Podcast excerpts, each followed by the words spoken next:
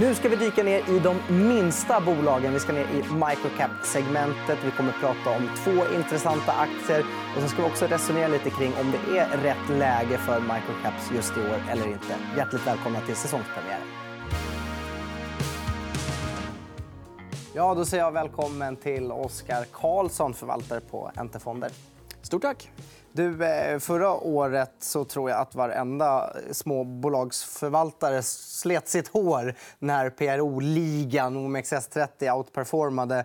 Och lite lagom timing till det så blev du, kastade du in i småbolags och mikrobolagsgemet. Känns som bra timing. Jo, men det känns bra. Ja. Vi, vi, har lagt hösten på, på att förbereda oss så mycket vi kan här för lanseringen av vår nya fond. Så det känns kul att vara igång och extra kul att, att börsåret har börjat bra. Mm. Eh, Precis, för du, ska vara förvaltare på en helt ny fond och ni ska investera i de allra minsta bolagen, microcap-segmentet. Finns det någonting man måste tänka på lite extra när man investerar i de här minsta bolagen? Ja, men verkligen. Det är väl den här gamla slitna klyschan med långsiktighet som gäller investeringar generellt men som inte minst gäller i, i microcap-segmentet. Så att vill man investera där så, så ska man ha en lång, lång horisont. Eh, det tror jag är viktigt. Det hoppar och far ännu lite mer än i de största bolagen. Ja, det gör det. Ju. Både, både liksom på daglig basis men också över veckor och månader. Så att man får ha en väldigt långsiktig vy och, och ha bra, bra bolag som man äger under en längre tid. En grej som jag tänkte på själv och framförallt märkte i covid-kraschen det är också det här med likviditet. Mm. Att det kan vara svårt att komma ur de minsta bolagen när börsen blir riktigt, riktigt sur. Är det också en bra grej att tänka på? Verkligen. så är det. Eh, och vi har ju sett att likviditeten har gått ner väldigt mycket under det gångna året. Eh, så det är definitivt någonting som man måste hålla, hålla i åtanke eh, när man tittar på det. Mm. Eh, och jag måste också passa på att fråga. Din fond är ju månadshandlad. Varför har ni valt att göra så? Ja, men det är just för att kunna hantera det här med, med rörelserna och likviditeten. Mm. Eh, så det är ett sätt att, att hålla koll på det och kunna ha en långsiktig horisont och fokusera på de bolagen som man verkligen vill ha. Eh, så att det, det är av den anledningen. helt enkelt. Mm. Eh, vad är det för typ av bolag som du letar efter? Då? Vad, är liksom ett, vad för egenskaper har ett typiskt Oskar Karlsson eller Enter Microcap-bolag? Ja, men vi, vi vill ju primärt hitta kvalitetsbolagen i det här segmentet. Det finns ungefär 650 bolag att välja på. Eh, och inom microcap så finns det en hel del bolag som är förlustbringande. De stryker ni direkt? eller? De stryker vi direkt. Vi stryker också de som är under en miljard. Eh, vi vill att bolagen ska ha, ha lite body och kommit upp i storlek eh, så att det finns likviditet och så vidare. Men när vi väl har gjort det så är som sagt fokus på kvalitet. Och vi vill ha bolag med framförallt lönsam tillväxt. Det är det viktigaste. Det, ty det är typiskt sett toppen om de löser någon av hållbarhetsutmaningarna i sin produkt. Eh, det får gärna finnas mycket eftermarknad. Man får gärna vara marknadsdominerande eller ha höga marknadsandelar. Det leder ju typiskt sett till pricing power. Eh, och det har vi sett att det, det, är viktigt. Alltså möjligheten att höja priserna när det blir inflationstider? Exakt. Mm. exakt. Eh, och, och, det är sånt som vi vill ha över tid. Sen vill vi ha en bra balansräkning och, och vettiga ledningar och, och starka huvudägare också, inte minst. Mm. Måste alla de där bitarna finnas på plats eller kan ni vara lite pragmatiska? Om... Ja, men det är en jättebra fråga. Ja. Det, det är inget bolag har ju allt, Nej. plus en låg värdering. Så att någonstans måste man alltid kompromissa. Eh, men vi vill försöka hitta en så bra balanserad profil som möjligt på portföljen där man gör lite kompromisser här och var men där det över tid och, över hela portföljen ska finnas ett högt inslag av de här kvaliteterna. Mm. Hur många bolag finns det att välja på med såna här kvaliteter? För att det, är ju, det, ni letar efter är ju... Jag hör ju att det liksom är vissa krav, ganska många krav, ja. bra krav. Men samtidigt, de här minsta bolagen eh, de är ju små av en anledning. Liksom. Att de inte har, hade de bockat av alla det där borde de ha växt och blivit hur stora som helst. Eller? Ja, men exakt. exakt. Eh, det, det, är väl, det är väl egentligen ja, vad ska man säga, ett, ett hundratal bolag som, som kan tänkas uppfylla grund, grundkraven. Det är ändå så pass många? Ja, men det skulle jag säga. Ja. Eh, och sen så är det en fråga om lite timing, var i deras cykel de befinner sig och så vidare som gör att man kommer ner till de här 50. Men sen har vi också möjligheten att kolla i övriga Norden. Eh, och det ger oss lite ytterligare material att jobba med och lite mer bredd. Och där kan man också hitta väldigt spännande bolag som, som är verksamma i nischer som vi inte kommer åt i Sverige. Så det finns ändå gott om bolag att välja på så att man kan liksom förändra den cykliska profilen på portföljen och så vidare om man vill göra det. Mm. Har du nåt eh, exempel då på ett typiskt eh, Oskar Karlsson eller Enter Microcap-bolag? Ja, men om man ska ta upp ett innehav som vi tycker ser väldigt spännande ut eh, och som verkligen uppfyller de här kvalitetskraven det är CTT Systems som eh, de är världsledande i sin nisch eh, och väldigt dominanta i sin marknad. Och de gör ju avfuktning, eller fukthantering på flygplan. Och det är ett jättestort problem. Det blir väldigt, väldigt torr luft i flygplan och framförallt längst fram i cockpit och även business class. Och sen så blir det lite bättre ju längre bak man kommer. Men deras lösningar gör då att man kan ja, fukta upp hela, hela luften på flygplanen så att det blir mycket mer behagligt för oss människor. Eh, och sen har man också en så här defrosterlösning som gör att det inte blir frost. Och den lösningen gör att man sparar eh, väldigt mycket vatten. Eh, så att det är en väldigt bra hållbarhetsvinkel på det. För Det gör att du sparar ungefär 300 liter vatten per plan. Och det motsvarar ju tre passagerare. Vi vet ju alla hur mycket man lägger på vikten så att säga, eh, när det gäller flygplan. Så man sparar bränsle där. Så det de gör är jättebra eh, och de är väldigt duktiga på det. Eh, de är verkligen dominanta och de har Airbus och Boeing som kunder eh, och har haft det länge. Så de har en väldigt dominant marknadsposition. helt enkelt. Ja, för det är väl Airbus och Boeing som står för typ 90% av alla passagerarplan? Exakt. och Det säger ju en del om deras marknadsandelar. Ja. Så de är ju liksom en, en nischad eh, marknadsledare. helt enkelt. Eh, och man är och har varit över tid väldigt lönsamma. Mm. Eh, för kollar man liksom prognoserna som ligger nu, nu är det inte jättemånga prognoser, men man väntar ju att man ska ha ungefär, ja, över 35% marginal de kommande åren. Du nämnde det, det är inte jättemånga prognoser. Är det också en liten utmaning förresten när man är då eh, microcap-förvaltare för det är ju lite mindre bevakade bolag, finns fär, mindre analystäckning, färre prognoser. Ja, absolut. Och det, det, är både en utmaning men också en stor möjlighet. Mm. Eh, skulle jag säga. För kollar man large cap-bolagen så har de 20-25 analytiker som följer. Det är svårt att hitta nåt helt bortglömt. Exakt. Ja, men verkligen. Varenda, datapunkt blir ju genomlyst direkt. Här kan det ju vara liksom att väldigt viktiga och väsentliga saker blir helt bortglömda. Mm. Ja, men lite som CTT, mm. eh, som, som ja, men nu, nu med deras marknad som verkligen förväntas ta fart. Eh, för vi har haft liksom under de senaste två åren under pandemin så har det knappt byggts några nya flygplan. Och sen hade du året innan, även 2019, då hade vi problem med den här Boeing Max 737-olyckan som gjorde att det byggdes inte så mycket plan då heller. Nej. Och nu när flyget kommer igång så väntas ju, ju hela flygbranschen gå med vinst för första gången efter pandemin nästa år.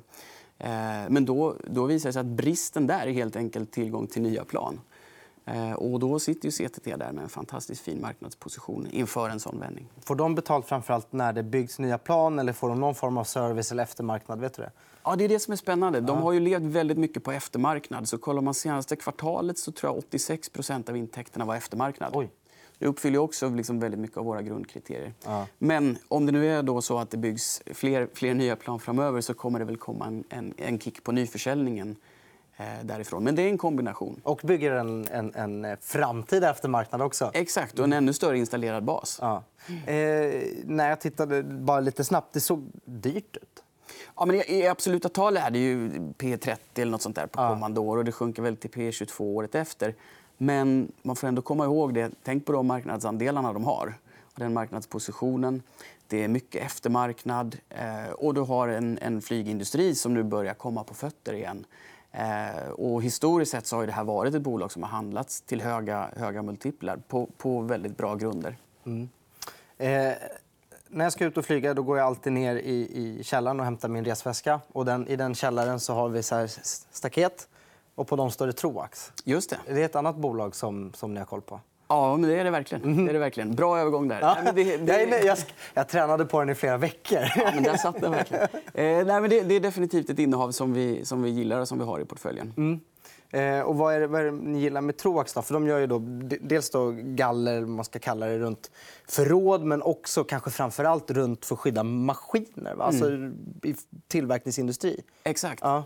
Ja, men det vi gillar där det är också det här att man, att man är en väldigt nischad aktör som är väldigt duktig på det man gör och har bra globala marknadsandelar. Eh, nu har man 15% global marknadsandel. och Det kanske inte låter så mycket, men man är alltså väsentligt mycket större än alla sina konkurrenter. skulle man kunna säga. Ja, för det känns som en sån nisch där det inte finns någon som varit inne och börjat konsolidera och köpa upp på det sättet. Utan det måste ju vara massa Ja, det är väl snarare lokala... Troax liksom, som har den positionen tillsammans med konkurrenten Accelent. Och sen är det väldigt mycket små lokala runt om i ja. världen. Men det som är intressant är ju den här trenden med, med automation. Eh, och om man tänker liksom alla nya fabriker som byggs och ska byggas i världen så tenderar ju de att vara väldigt mycket automatiserade ja. och ha väldigt mycket robotar. Och då är sannolikheten väldigt hög att det är Troax produkter som skyddar robotarna. Så det finns någon slags underliggande trend som talar för dem? Exakt. Ja. Och sen är det cyklikalitet i det där såklart. Men, men över tid så är det ju liksom ett, ett fenomen som växer mer än BNP över tid. Och där Troax kommer med, med bra lösningar eh, som växer med och där de har bra marginaler. Ja. Och det, nu, det är inte bara småländskt jäv som gör att du gillar det? Det kan vara lite sånt inblandat också. Men, men, eh, nej, men jag tycker de är, de är bra på det de gör. Ja.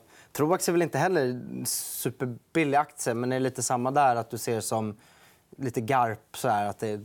ja, ja, exakt. Nej, inte superbillig, absolut. Men, men eh, över tid så har de skapat fantastiskt bra, bra värde ja. och, och, förväntas göra så framöver också. Ja. Och jag råkade säga, slänga mig med uttrycket garp, men det är alltså growth at reasonable price. Alltså tillväxt till ett rimligt pris, men kanske inte då ett fantastiskt pris. Exakt. Eh, vi går vidare. Och, eh, för jag tyckte något som då var intressant var att efter många, många år av att mm, små bolag nästan alltid gick bättre än stora så var ju förra året då ett undantag som bröt den trenden.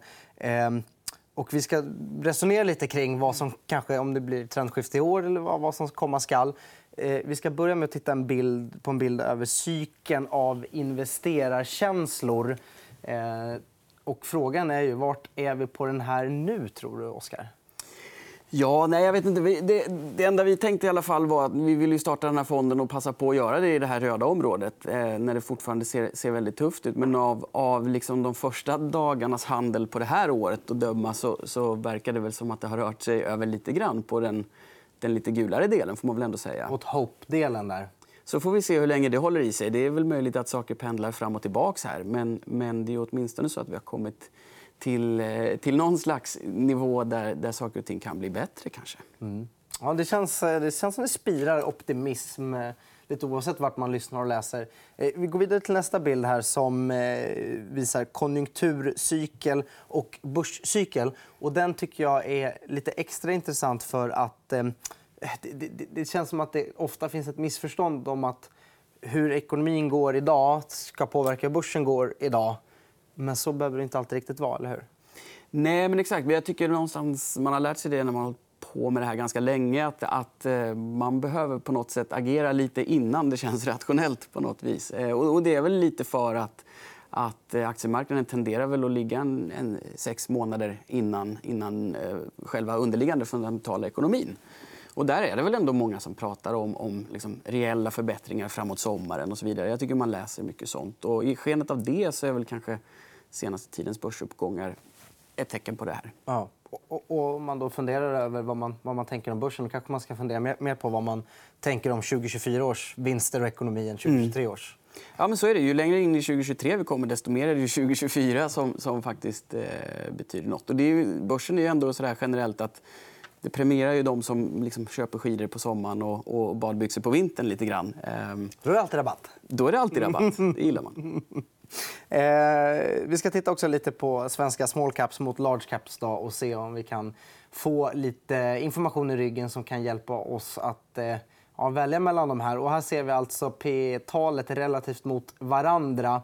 Eh, där när den här mörkblå linjen går ner då blir small caps billigare mot large caps. eller hur? Mm. Mm. Ja, och det, det, ser man ju. Det händer ju inte så jätteofta och det tenderar att hända under ganska korta perioder. Um, typiskt sett så har det ju studsat tillbaka. Men det viktigaste man kanske bör ha i åtanke ändå, det är ju det här med att ja, men småbolagen växer väl vinsten runt 15-16 eh, storbolagen runt 5-6 Så över lång tid så ja, har man ganska bra stöd i det. Och mm. inte minst då i tillfällen när det ser ut så här.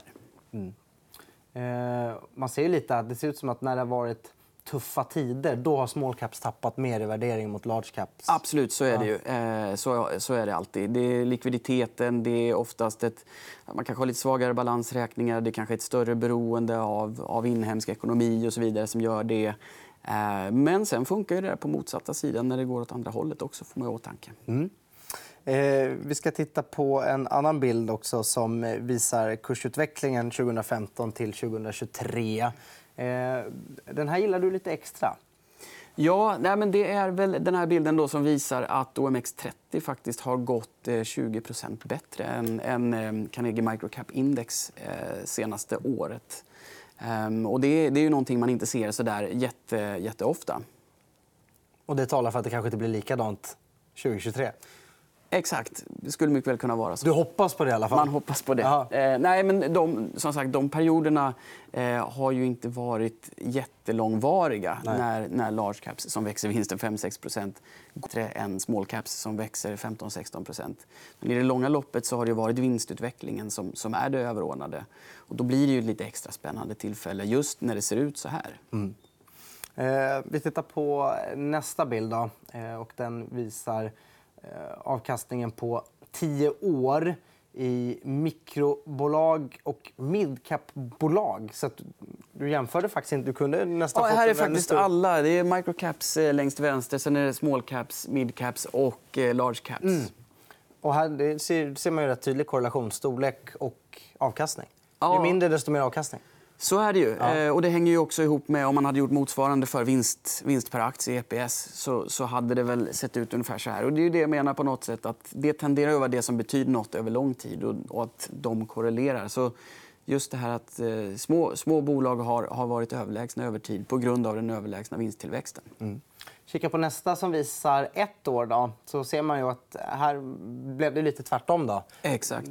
Så det blev en tillfällig svacka, men den långsiktiga trenden såg vi innan. Den brukar se ut på ett helt annat sätt. Mm. Ja, men den långa profilen brukar se ut så där. Och så här har jag under de åren jag hållit på med det här inte sett så där våldsamt många gånger. Nej. Och det är ju i de stora nedställen som eh, de stora likvida bolagen står emot klart bättre. Men som sagt, det tenderar att hålla sig en kortare period och sen tenderar ju liksom de mindre bolagen i turordning komma tillbaka här. Ja, förr eller senare. Förr eller senare, absolut. Och sen, jag menar, tajmingen är jättesvår i det här, men, men det långa mönstret över tid har varit så i alla fall. Hade du och jag haft felfri timing då hade vi väl suttit på Bahamas istället. Så är det Men nu sitter vi här. Det är trevligt det också. Ja, det ska jag säga. Det är faktiskt ingen synd om oss. Nej. Jättekul att du kom hit, Oskar Karlsson. Tack för att du kom hit. Stort tack. Och det var allt vi hade att bjuda på i den här säsongspremiären. Men vi är såklart tillbaka på fredag igen. Då kommer Sven Hagströmer hit. Ta hand om er. Hej då.